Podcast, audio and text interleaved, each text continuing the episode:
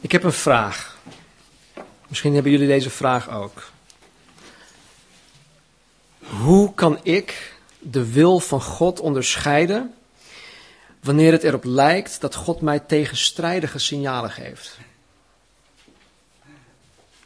Hoe kan ik de wil van God onderscheiden wanneer het erop lijkt dat God mij tegenstrijdige signalen geeft? Ofwel, hoe kan ik zeker weten hoe of waartoe God mij leidt als het erop lijkt dat zijn leiding voor meerdere interpretaties vatbaar zijn of vatbaar is? Hoe kan ik zeker weten hoe of waartoe God mij leidt als het erop lijkt dat zijn leiding voor meerdere interpretaties vatbaar is? Nou, wanneer ik zoiets heb, en dat heb ik regelmatig, dan wekt het altijd de vraag in mij op, of zelfs meerdere vragen, maar één vraag die altijd het, het eerste, als eerste uh, in me boven komt, is: Heere, wat wil u? Wat wilt u? Wilt u dit, Heer, of wilt u dat? En dan heb ik in mijn, heb ik in mijn eigen gedachten een aantal opties van wat God misschien wil, van wat Gods plan misschien is. En meestal leg ik voor God de keuze neer: Heer, is het dit of is het dat? Of dan vraag ik: Heer, wat is de beste weg? Ik heb helemaal geen opties. Hebben jullie daar ook moeite mee of, of ben ik de enige? Oké, nou oké, goed. Nou, mijn gebed is dat wij uit onze studie van vanmorgen zullen leren hoe wij Gods wil en Gods weg beter zullen gaan onderscheiden. dat we meer zekerheid zullen krijgen over hoe God ons wil leiden.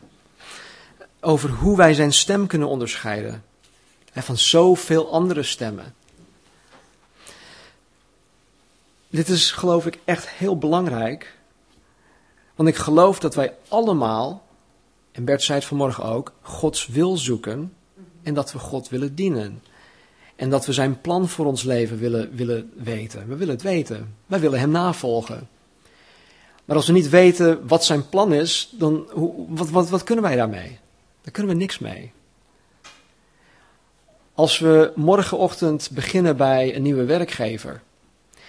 En je hebt daar een leidinggevende die je dan op sleeptouw, op sleeptouw moet nemen.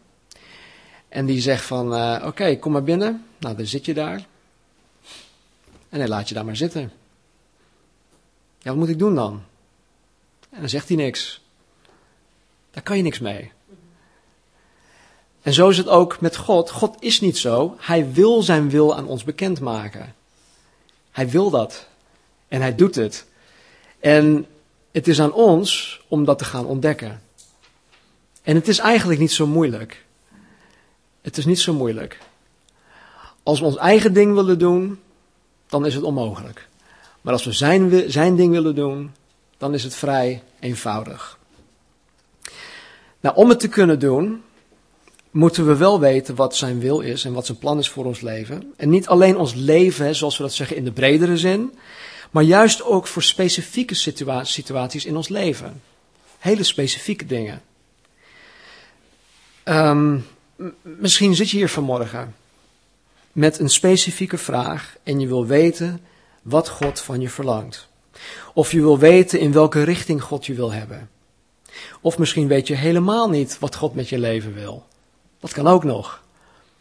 Hoe dan ook, ik weet zeker dat God jou, dat God ons, dat God mij vanmorgen zal helpen om in ieder geval meer zekerheid te krijgen over welke stappen we vanmorgen kunnen gaan zetten richting Gods wil en Gods plan.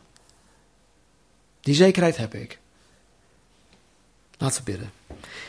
Heer, uw woord is een lamp voor ons voet, Heer, het is een licht op ons pad. En Heer, vanmorgen gaat u dat aan ons weer bewijzen. Dank u, Heer, voor uw woord.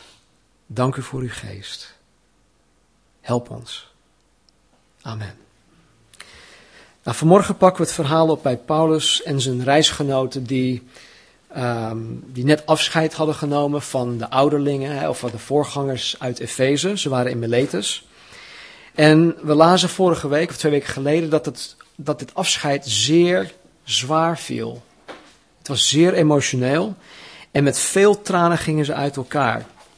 Nou, vanmorgen pakken we het op bij hoofdstuk 21, vers 1.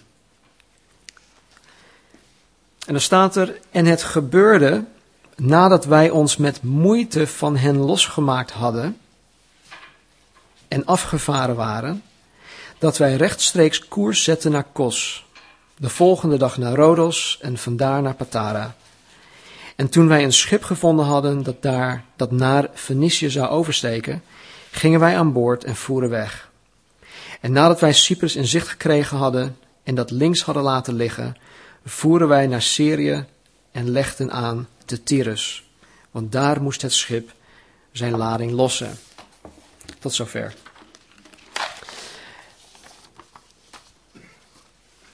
Um, nee, laten we ook vers 4 pakken. En nadat wij de discipelen gevonden hadden, bleven wij daar zeven dagen, in Tyrus dus. Ze zeiden tegen Paulus door de geest dat hij niet naar Jeruzalem moest gaan. Nou, ze komen hier dus in Tyrus aan, waar zij op zoek moesten gaan om de discipelen te vinden. Het kostte hun dus moeite. Het kostte hun moeite om de kerk te vinden. In de States, dat zeggen ze wel eens, there's a church on every street corner. dus op elke hoek is er een kerk. Dus daar hoef je niet zoveel moeite te doen. Maar hier moesten ze moeite doen om de kerk te vinden, om hun broeders en zusters te vinden. Nou, ik denk dat meeste mensen in deze situatie zoiets hebben van, nou joh, ik ben al zo lang onderweg, al maandenlang onderweg. Ik ben toe aan een beetje rust en ik neem even een weekje vrij. Het zal een week duren voordat dit schip zijn lading moet lossen en dan weer opnieuw opgeladen moet worden. Dus ik heb even een week de tijd. Even chillen, even relaxen. Niks doen. Hele normale gedachten. Dat zou ik waarschijnlijk zelf ook gedaan hebben. Wanneer ik hoor dat christelijke vrienden vanuit Nederland naar de States toe gaan, voor drie weken of vier weken of misschien twee weken, dan ben ik, ja, ben ik excited, dat vind ik leuk. Want het eerste wat in mij opkomt van, hé hey joh, je moet, als je daar naartoe gaat, moet je die en die Calvary Chapel opzoeken. En dan ga ik ijverig zoeken op internet wat de adressen zijn, de namen, diensttijden, bla bla bla. print ik iets uit. Ik geef het aan die mensen en zeg, joh, wanneer je daar naartoe gaat, moet je, naar, moet je zeker naar een, een, een Calvary Chapel toe gaan. Na hun terugkomst vraag ik dan hoe ze het gehad hebben. Hè, vakantie of uh, zakenreis of wat dan ook. En wat ze van de Calvary Chapel vonden. Hoe heb je het gevonden? Nou, tot nu toe is er geen één naar een Calvary Chapel gegaan. Al zitten ze daar drie of vier weken, zijn ze, zijn ze niet naar een Calvary Chapel gegaan. Ze zijn ook niet naar een andere kerk hoor, maar dat, doet er niet toe. En dan geven ze meestal als reden uh, dat ze het te druk hadden. Ja, vakantie, ik heb het druk. Of dat ze te moe waren. Of dat het niet echt uitkwam. Ja, het was moeilijk te vinden. Nou, bla bla bla bla. Dat kan allemaal. Daar heb ik, daar heb ik heel veel begrip voor. He, want dus dat is mens eigen. Dus ik neem het niemand kwalijk. Ik geef hen alleen de gelegenheid. Jongens, hier heb je dit. Maak er gebruik van. Als ze er geen gebruik van maken, prima, dat is hun keus. Maar ze geven dit soort dingen dus aan als reden. Maar Paulus, in dit verhaal, die de discipelen niet toevallig ergens tegenkwam in de haven, maar veel moeite doet om op zoek te gaan naar de discipelen, laat ons hier zien, alleen in dit klein voorbeeldje, dat hij het hart van God heeft. Nou, waarom zeg ik dat? Want God is op zoek naar mensen. God is niet alleen op zoek naar mensen die Hem persoonlijk willen leren kennen, maar Hij is ook op zoek naar mensen die gewoon gemeenschap met Hem willen hebben. Dat zijn wij. En God gaat soms ook op zoek naar ons. En zo ging Paulus, die fellowship wilde hebben met zijn broers en zussen, op zoek naar hen. Hij deed er moeite voor omdat hij het belangrijk vond. Omdat het belangrijk is. En ik wil jullie ook aanraden, wanneer je ooit de gelegenheid hebt om naar het buitenland toe te gaan, om een Calvary Chapel op te zoeken. Al ga je naar Duitsland toe of naar Engeland, uh, Groot-Brittannië, uh, in Spanje zitten, Frankrijk zitten er ook een aantal, of naar de Verenigde Staten. Zoek ze op. Zoek ze op. Je zal gegarandeerd gezegend worden door de fellowship die je met broers en zussen zal hebben. Phil Twente, die, uh, die, had ik, die had ik gistermiddag aan de lijn. Hij belde me om een uur of één. Dan is het daar vier uur s'nachts. En uh, hij belde me op. Hij zegt, Stan, uh, ik, had, ik had hem een mailtje gestuurd met wat vragen. Dus hij had me gebeld om die vragen te beantwoorden. Maar hij zei, joh, hij zegt, ik, het is alweer een maand geleden, maar ik kan het nog zo goed herinneren hoe, hoe het was bij jullie. Bij jullie thuis en ook in de gemeente. En hoeveel liefde en vreugde ik had ervaren onder jullie. En oh, it was so sweet. En dat is een man die dus, die jullie nog nooit hadden ontmoet. Dat was dan de eerste keer. En toch had hij zo'n verbondenheid met degene die hij hier had gesproken. En hij zei nog, joh, hoe gaat het met die, hoe gaat het met die? En oh, ik had een gesprek met die, hoe gaat het met die? En echt heel nauw verbonden. En toch had hij jullie misschien wat hooguit een aantal uren meegemaakt. Nou, dat bedoel ik. Wanneer jullie naar het buitenland toe gaan en je gaat naar een Calvary Chapel en je, je, je kondigt het aan en je zegt van tevoren, joh, ik ben van de, de kerk van Stem Marines. Oh ja, kom, kom, kom, kom. Nee, dan, uh, dan, uh, dan kom je daar en dan zullen ze je met open armen ontvangen en je zal gegarandeerd gezegend zijn. Ik weet het zeker. Nou, deze discipelen in Tyrus zeiden tegen Paulus door de geest dat hij niet naar Jeruzalem moest gaan. Nou, hier kom ik straks op terug. Wil even verder. Vers 5. Het gebeurde nu, toen wij deze dagen door, daar doorgebracht hadden, dat wij vertrokken en verder reisden. En zij begeleidden ons allen met vrouwen en kinderen tot buiten de stad. We knielden neer op het strand en baden. En toen we afscheid van elkaar genomen hadden, gingen wij aan boord van het schip, maar zij keerden terug, ieder naar zijn huis. Nou, dit bedoel ik. Dit was ongetwijfeld een zeer kostbaar bezoek. Niet alleen voor Paulus en zijn reisgenoten, maar ook voor degene die hij daar had bezocht. Je ziet dat ze met veel liefde, met vrouwen en kinderen erbij, de apostel Paulus en zijn reisgenoten hadden uitgezwaaid. Ze gingen dus ver buiten de stad, naar het strand toe, en ze zwaaiden Paulus uit. Nou, met kinderen, met de hele aanhang erbij. Dus dat, dat, dat geeft ook aan, ze hebben er moeite voor gedaan. En het geeft ook aan dat ze, dat, dat er iets, iets, iets, dat ze iets hadden met elkaar. En dat, dat pas na een week. Weet je, wanneer broers en zussen in Christus in één geest samenkomen, dan ontstaat er iets bijzonders. De band die men met elkaar heeft, is vaak onmiddellijk te voelen. Je kan het niet omschrijven, maar het is net alsof je een, een oude bekende na een hele lange tijd weer tegenkomt. En dat gebeurt wanneer mensen eensgezind de Heer Jezus willen kennen en Hem willen navolgen. De Heilige Geest brengt zelfs wildvreemde mensen samen waarmee je je hart en ziel kan delen. Deze geestelijke band die wij in het huisgezin van Christus ervaren is vaak sterker, of geloof ik, is altijd sterker dan familiebanden zonder Christus. In de wereld zeggen ze, um, blood is thicker than water. Kennen jullie dat hier in Nederland ook?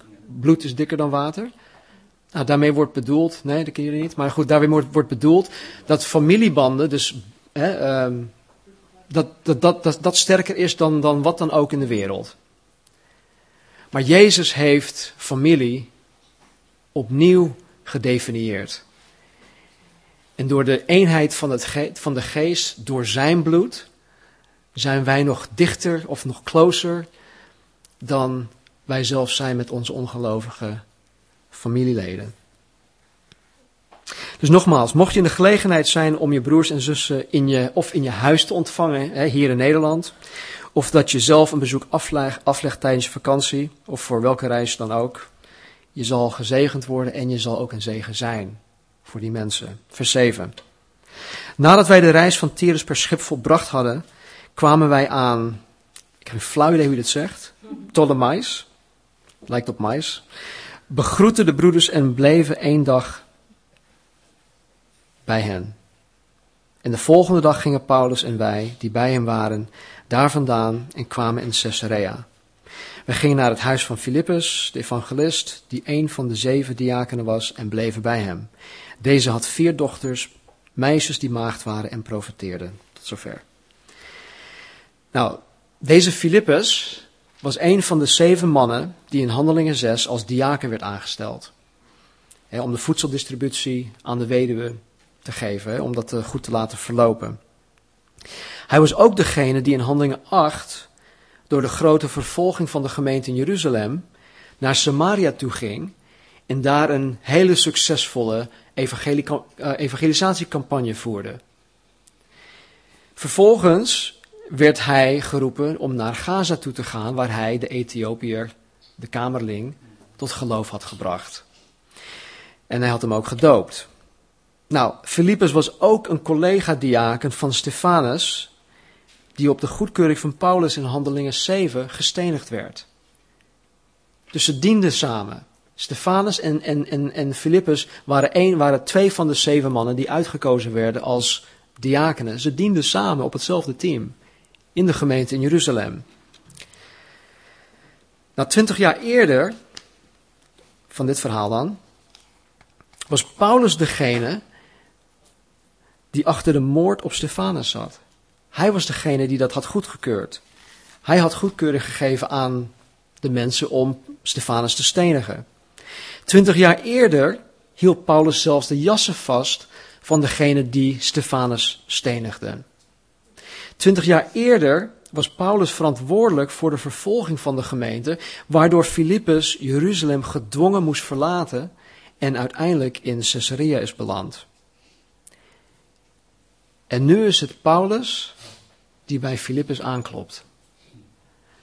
Nou, ik vraag me af wat zij tegen elkaar hadden gezegd toen ze elkaar voor het eerst face-to-face tegenkwamen. Op dat moment. Oké, goed, het is twintig jaar geleden, maar toch. Ik weet zeker dat, dat, dat uh, Filippus veel over Paulus heeft gehoord. Andersom misschien ook. Ik kan me een beetje voorstellen dat ze elkaar recht in de ogen keken. En misschien met een brok in hun keel of misschien zelfs huilend. In één keer elkaar om de, om de hals vlogen en van, oh man, wat is er veel gebeurd in twintig jaar. Oh man, wat heb ik veel gehoord over jou. En dat al die dingen, al die, die foute dingen die Paulus had gedaan, in onwetendheid, dat het allemaal weg was. Eh, eens aardsvijanden en nu broers in Christus. Weet je, er is niets dat Jezus de mens niet kan vergeven. En er is niets dat broeders en zusters in Christus elkaar niet horen te vergeven. En hier zien we dat wat Paulus uh, Filippus ook heeft aangedaan, dat hij geen wrok heeft, dat, dat, dat, dat ze gewoon broers zijn dat ze elkaar hebben, dat hij, hij Paulus heeft vergeven. Want hij nodigt hem uit en hij laat hem blijven in, uh, in zijn huis. Vers, uh, vers 10. En terwijl, daar, terwijl wij daar vele dagen verbleven, kwam er een zekere profeet uit Judea, die Agabus heette.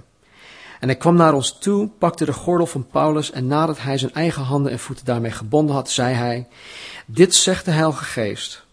De man van wie deze gordel is, zullen de Joden op dezelfde manier in Jeruzalem binden en in de handen van de heidenen overle overleveren. Deze Agabus had in hoofdstuk 11 nauwkeurig geprofiteerd dat er een hongersnood zou komen. Weet u dat nog? Nou, dat is ook gebeurd.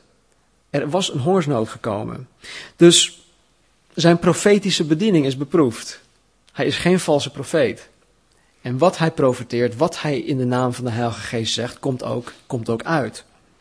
En hier zegt hij dat Paulus in Jeruzalem in boeien geslagen zou worden en overgeleverd aan de heidenen. Ik weet niet of jullie dit nog herinneren uh, de afgelopen weken. Maar de Heilige Geest heeft Paulus tot meerdere malen toe gewaarschuwd dat hij één en al ellende zou meemaken in Jeruzalem. Hij is tot meerdere malen gewaarschuwd. Paulus moet dus weten wat hem te wachten staat. Het kan niet anders. Maar wat is zijn respons hierop? Wat is zijn reactie? Laten we kijken, vers 12. Toen wij dit hoorden, dus de woorden, de profetie van Agabus, smeekten zowel wij als de mensen van die plaats, dus Tyrus, of Caesarea, sorry, van die plaats dat hij niet naar Jeruzalem zou gaan. Ze smeekten hem om niet te gaan. Vers 13.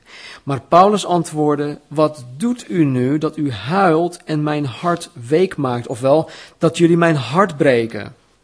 Want ik ben bereid niet alleen gebonden te worden, maar ook te sterven in Jeruzalem voor de naam van de Heer Jezus.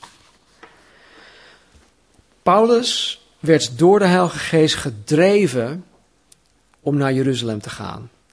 Hij moest naar Jeruzalem. Punt uit. Die overtuiging had hij. We zien in Handelingen 19, vers 21.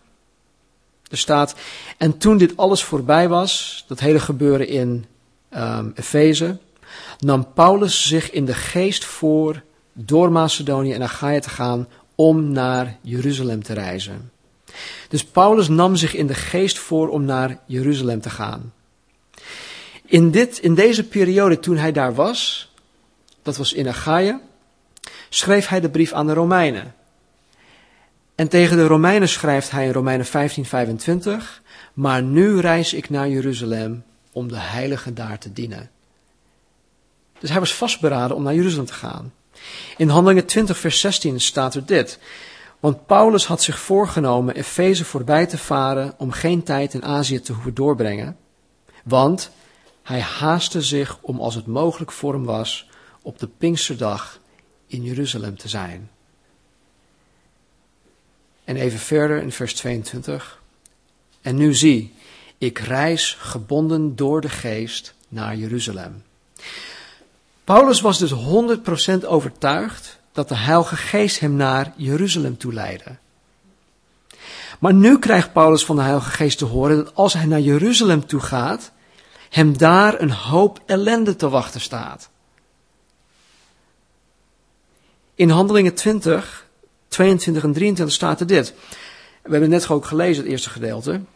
Zie, ik reis gebonden door de geest naar Jeruzalem en ik weet niet wat ik daar zal tegenkomen. Behalve dan dat de Heilige Geest van stad tot stad betuigt dat mij boeien en verdrukkingen te wachten staan. Geen rooskleurig toekomstperspectief voor Paulus in Jeruzalem. Even verder in, in, in vers 4 van 21 zegt hij, en nadat wij de discipelen gevonden hadden in Tyrus, bleven daar zeven dagen. Zij zeiden tegen Paulus door de geest dat hij niet naar Jeruzalem moest gaan. En dan in vers 11 en 12 van hoofdstuk 21, de profetie van Agabus. Dit zegt de Heilige Geest. De man van wie deze gordel is, zullen de Joden op dezelfde manier in Jeruzalem binden en in de handen van de heidenen overleveren. Enerzijds wordt Paulus door de Heilige Geest naar Jeruzalem toegeleid, gedreven. En anderzijds wordt Paulus door dezelfde Heilige Geest gewaarschuwd over de ellende die hem te wachten staat als hij naar Jeruzalem toegaat. Wat moeten we daar nou mee? Dat lijkt verwarrend. Dat lijkt heel verwarrend. Ik denk vooral nu, misschien niet voor Paulus, nou ik weet het zeker niet voor Paulus, maar ik denk vooral nu, anno 2008, dat dit verwarrend kan zijn.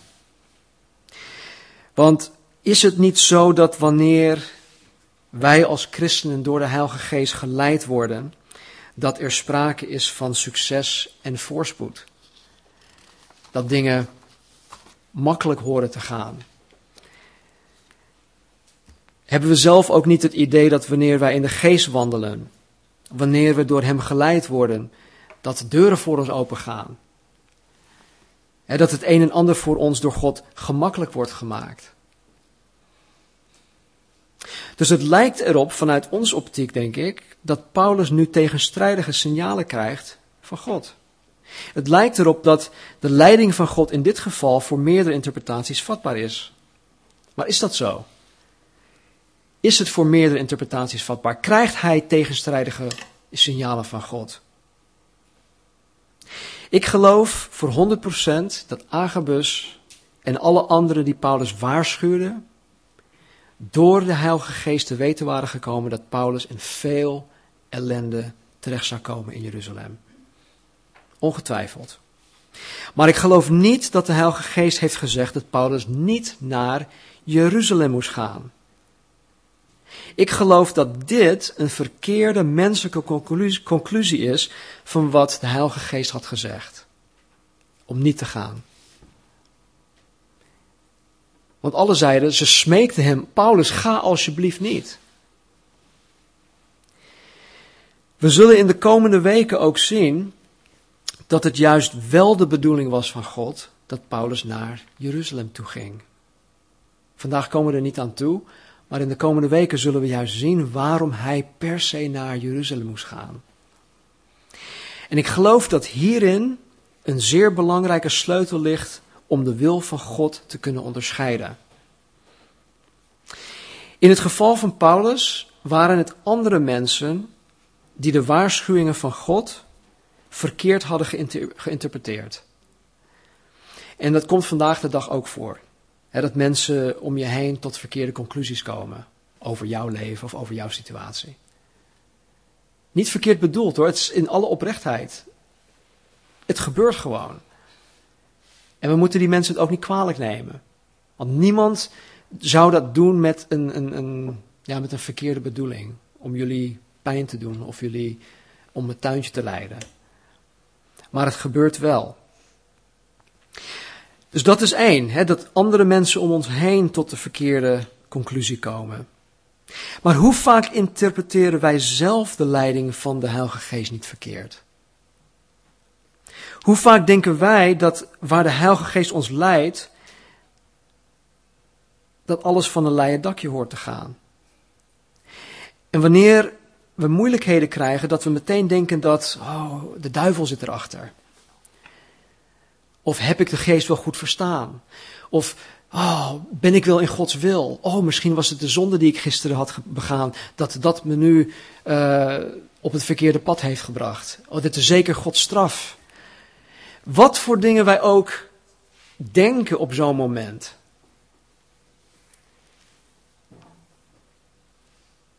Het kan zijn dat God het zo bedoeld heeft.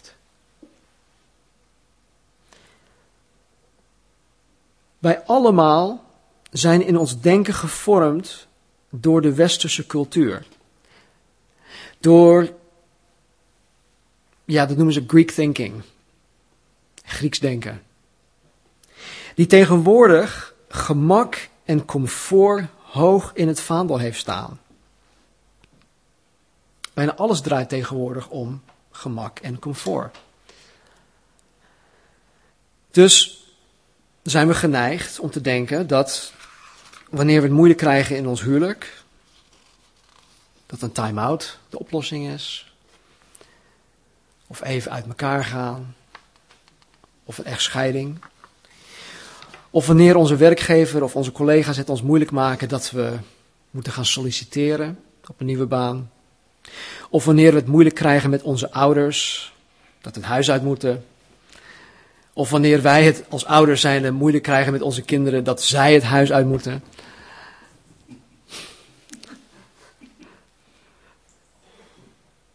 Of wanneer iets heel anders uitpakt dan dat je het had verwacht. Dat dat niet van God kan zijn.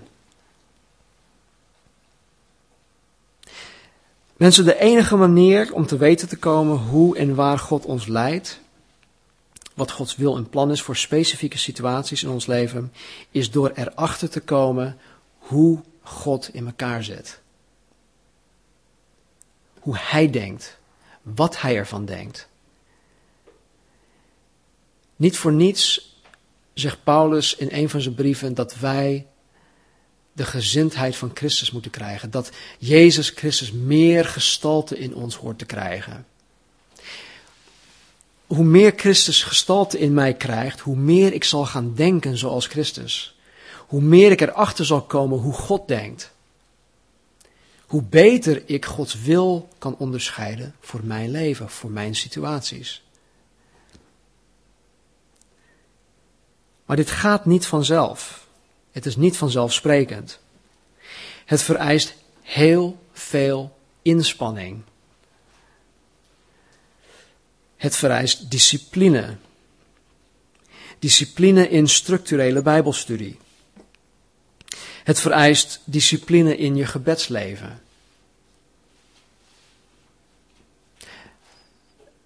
Mensen vinden me gek omdat ik vroeg opsta. Zowel op mijn werk zoals hier in de, in de kerk. Maar ik heb een bepaalde discipline in mijn leven nodig. Om God te leren kennen. Als ik die discipline niet heb, dan leer ik God niet kennen. Dan kan ik zijn stem ook niet verstaan. Dan ben ik waardeloos.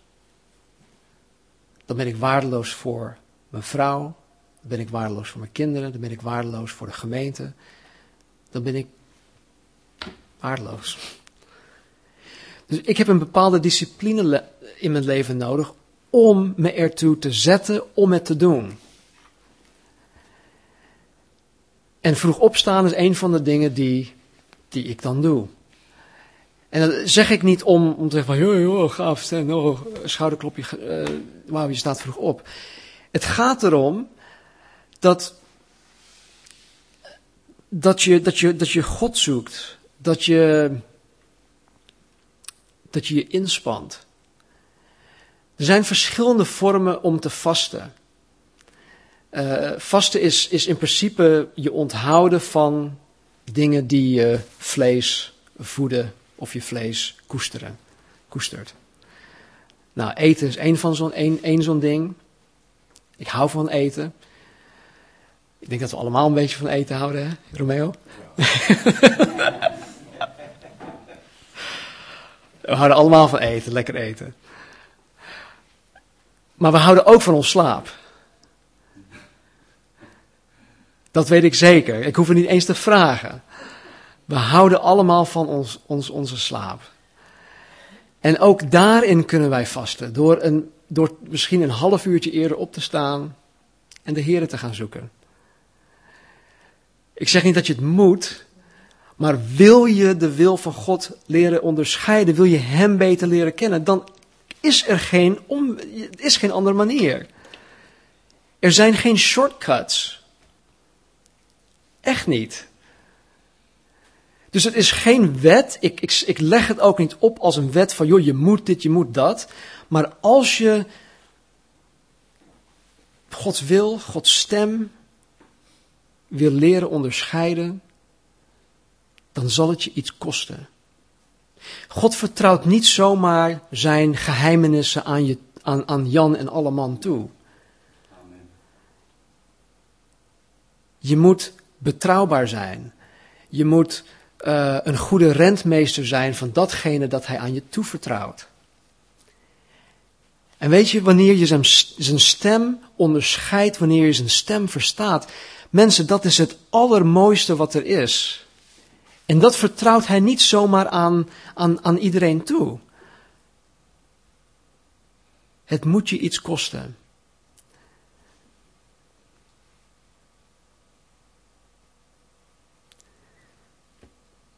Wat moeten wij van God weten om zijn wil voor ons beter te kunnen onderscheiden? Nou, er zijn heel veel dingen, maar ik heb, een, ik heb drie dingen heb ik opgeschreven. Ten eerste Romeinen hoofdstuk 8, vers 28. Een veelal misbruikte vers, maar een vers die, die heel krachtig is. En Paulus zegt dit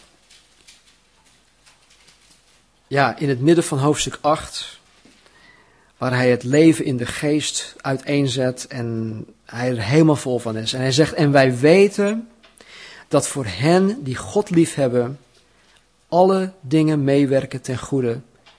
Voor hen namelijk die overeenkomstig zijn voornemen geroepen zijn. Dus als je God lief hebt en je bent overeenkomstig Gods voornemen door Hem geroepen om Hem na te volgen, dan moet je tot je door laten dringen dat alle dingen, alle dingen in jouw leven meewerken ten eeuwige goede. Ten eeuwige goede. Ook hier.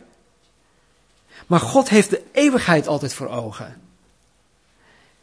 Dus alles wat hier op aarde gebeurt, alles wat wij hier op aarde meemaken, zal bijdragen aan ons leven in de eeuwigheid.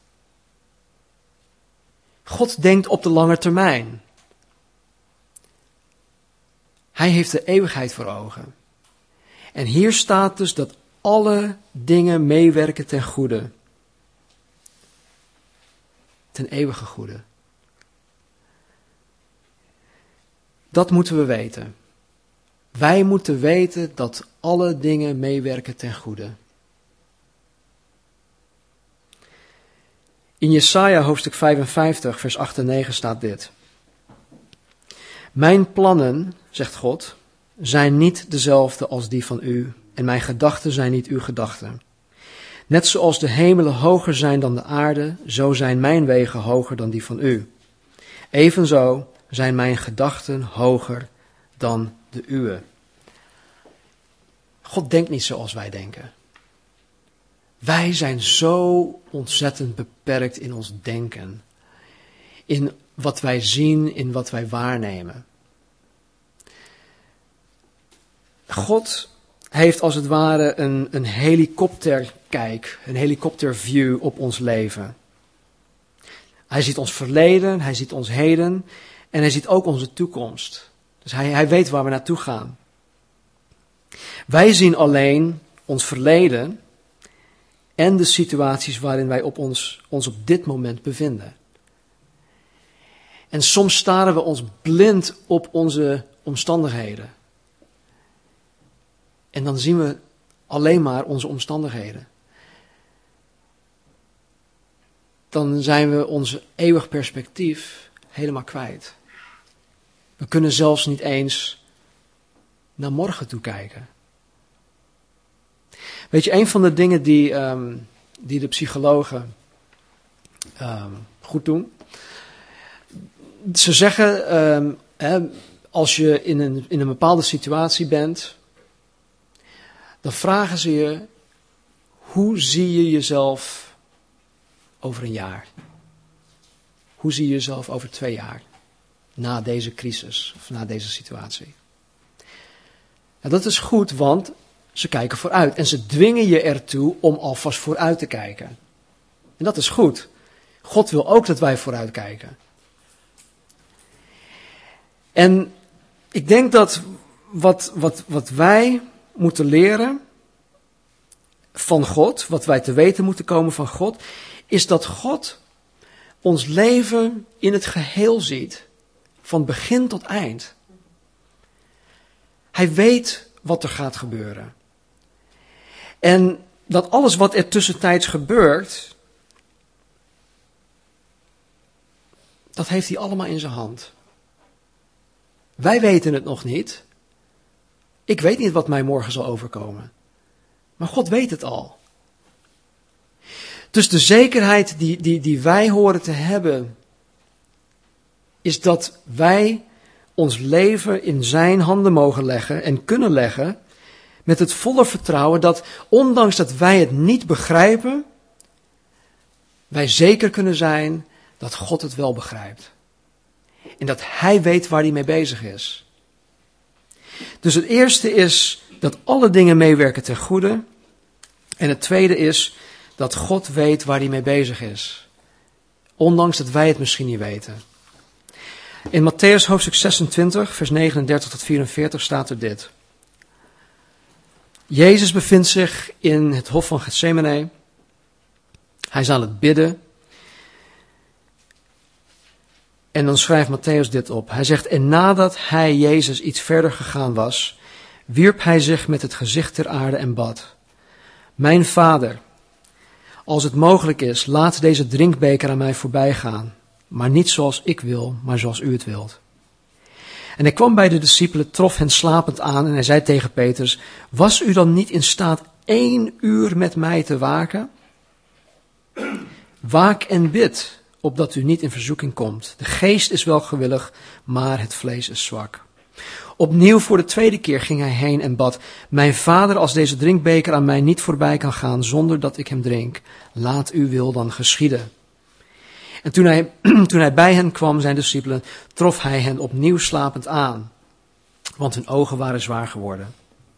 En hij liet hen achter, ging nogmaals heen en bad voor de derde keer met dezelfde woorden.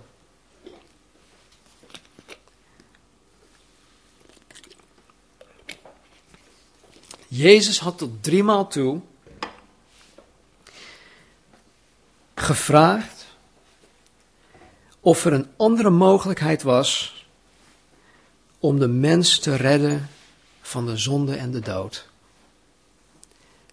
Door te zeggen, Heere, Vader, is het mogelijk dat ik deze drinkbeker niet drink? Met andere woorden, is het mogelijk dat ik niet de, weg van het kruis moet gaan om het mensdom te redden? Hij vroeg tot driemaal toe, is er een andere mogelijkheid? En tot driemaal toe zei hij, niet mijn wil, vader, maar uw wil geschieden. God die het eeuwig goed voor alle mensen voor het oog had, liet zijn eigen zoon de meest verschrikkelijke executie ondergaan. Zo lief heeft God jou en mij dat hij dit toegelaten heeft. Er was hier geen sprake van gemak of comfort. Er was wel sprake van een, iets veel groter. Een groter goed. Iets van eeuwigheidswaarde. En dat heeft God ook voor een ieder van ons voor ogen. Iets veel groters, iets veel beters, een groter goed, iets van eeuwigheidswaarde.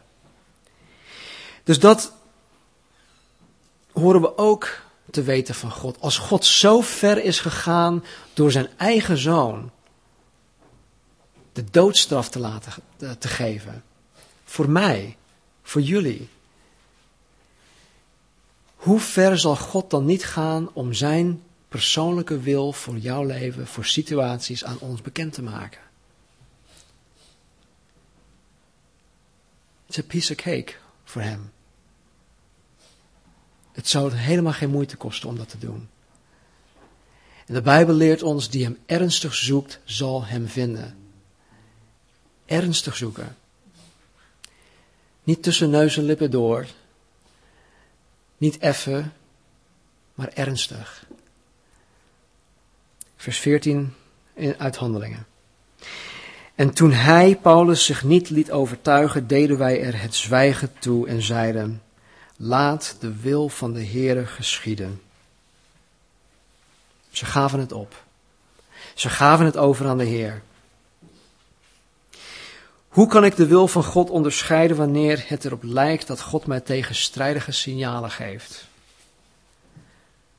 Hoe kan ik zeker weten hoe of waartoe God mij leidt als het erop lijkt dat zijn leiding voor meerdere interpretaties vatbaar zijn of is?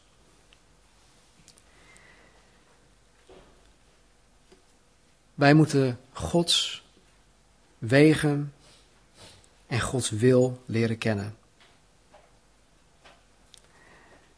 We moeten weten dat God geen tegenstrijdige signalen geeft. Zo is hij niet. Doet hij niet. Punt uit. Gods leiding is nooit voor meerdere interpretaties vatbaar. Nooit. Wij zijn onderhevig aan misverstand. En ook daar wil God ons tegemoet komen door ons aan te moedigen om Hem ernstig te zoeken. Jullie moeten voor jezelf invullen wat dat voor jouw leven inhoudt. Hem ernstig zoeken. Voor mij betekent dat een aantal dingen. Een van de dingen heb ik genoemd. Je moet het voor jezelf bepalen en zelf invullen. Laten we bidden. O Heer, dank u wel. Heer, voor uw woord. Dank u, Heer, dat u alle dingen ja, laat meewerken, Heer, ten goede, ten eeuwig goed. Voor wij, Heer, die u lief hebben, die door uw voornemens geroepen zijn. Dank u, Heer, dat uw denken veel hoger is dan ons denken. Heer, dat u de big picture heeft. Heer, dat u ons leven vanuit ja, een soort van helikopterview bekijkt. En Heer, dank u dat u zo ver bent gegaan dat u uw eigen zoon gegeven heeft, Heer, om, om ons te redden. En niet alleen te redden, Heer, maar ons te leiden, stap voor stap, in elke situatie. Vader, ik weet, Heer, ik weet dat u nooit tegenstrijdige signalen afgeeft. Heer, help een ieder van ons dat vanmorgen ook te begrijpen, te weten, te weten te komen. Heer, ik weet, Heer, dat u, ja, dat u, uw leiding,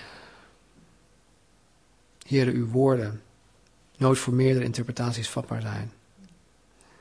Maar Heer, dat het altijd aan ons ligt als we u niet begrijpen. O Vader, help een ieder van ons, heren, vanmorgen de commitment te maken. Heren, om u ernstig te zoeken. Heren, waar we het al doen, heren, zegen die tijd. Zegen ons daarin. Heren, waar we het nog niet doen, heren, help een ieder van ons stappen te gaan zetten om u ernstig te zoeken, heren, zodat we uw wil zullen leren onderscheiden. O Heer, het is zo belangrijk. Vooral nu, heren, in deze tijd is het zo belangrijk. Help ons daarbij. En zegen ons daarin. Vader, openbaar uzelf aan een ieder van ons vanmorgen. Dank u wel. In Jezus' naam. Amen.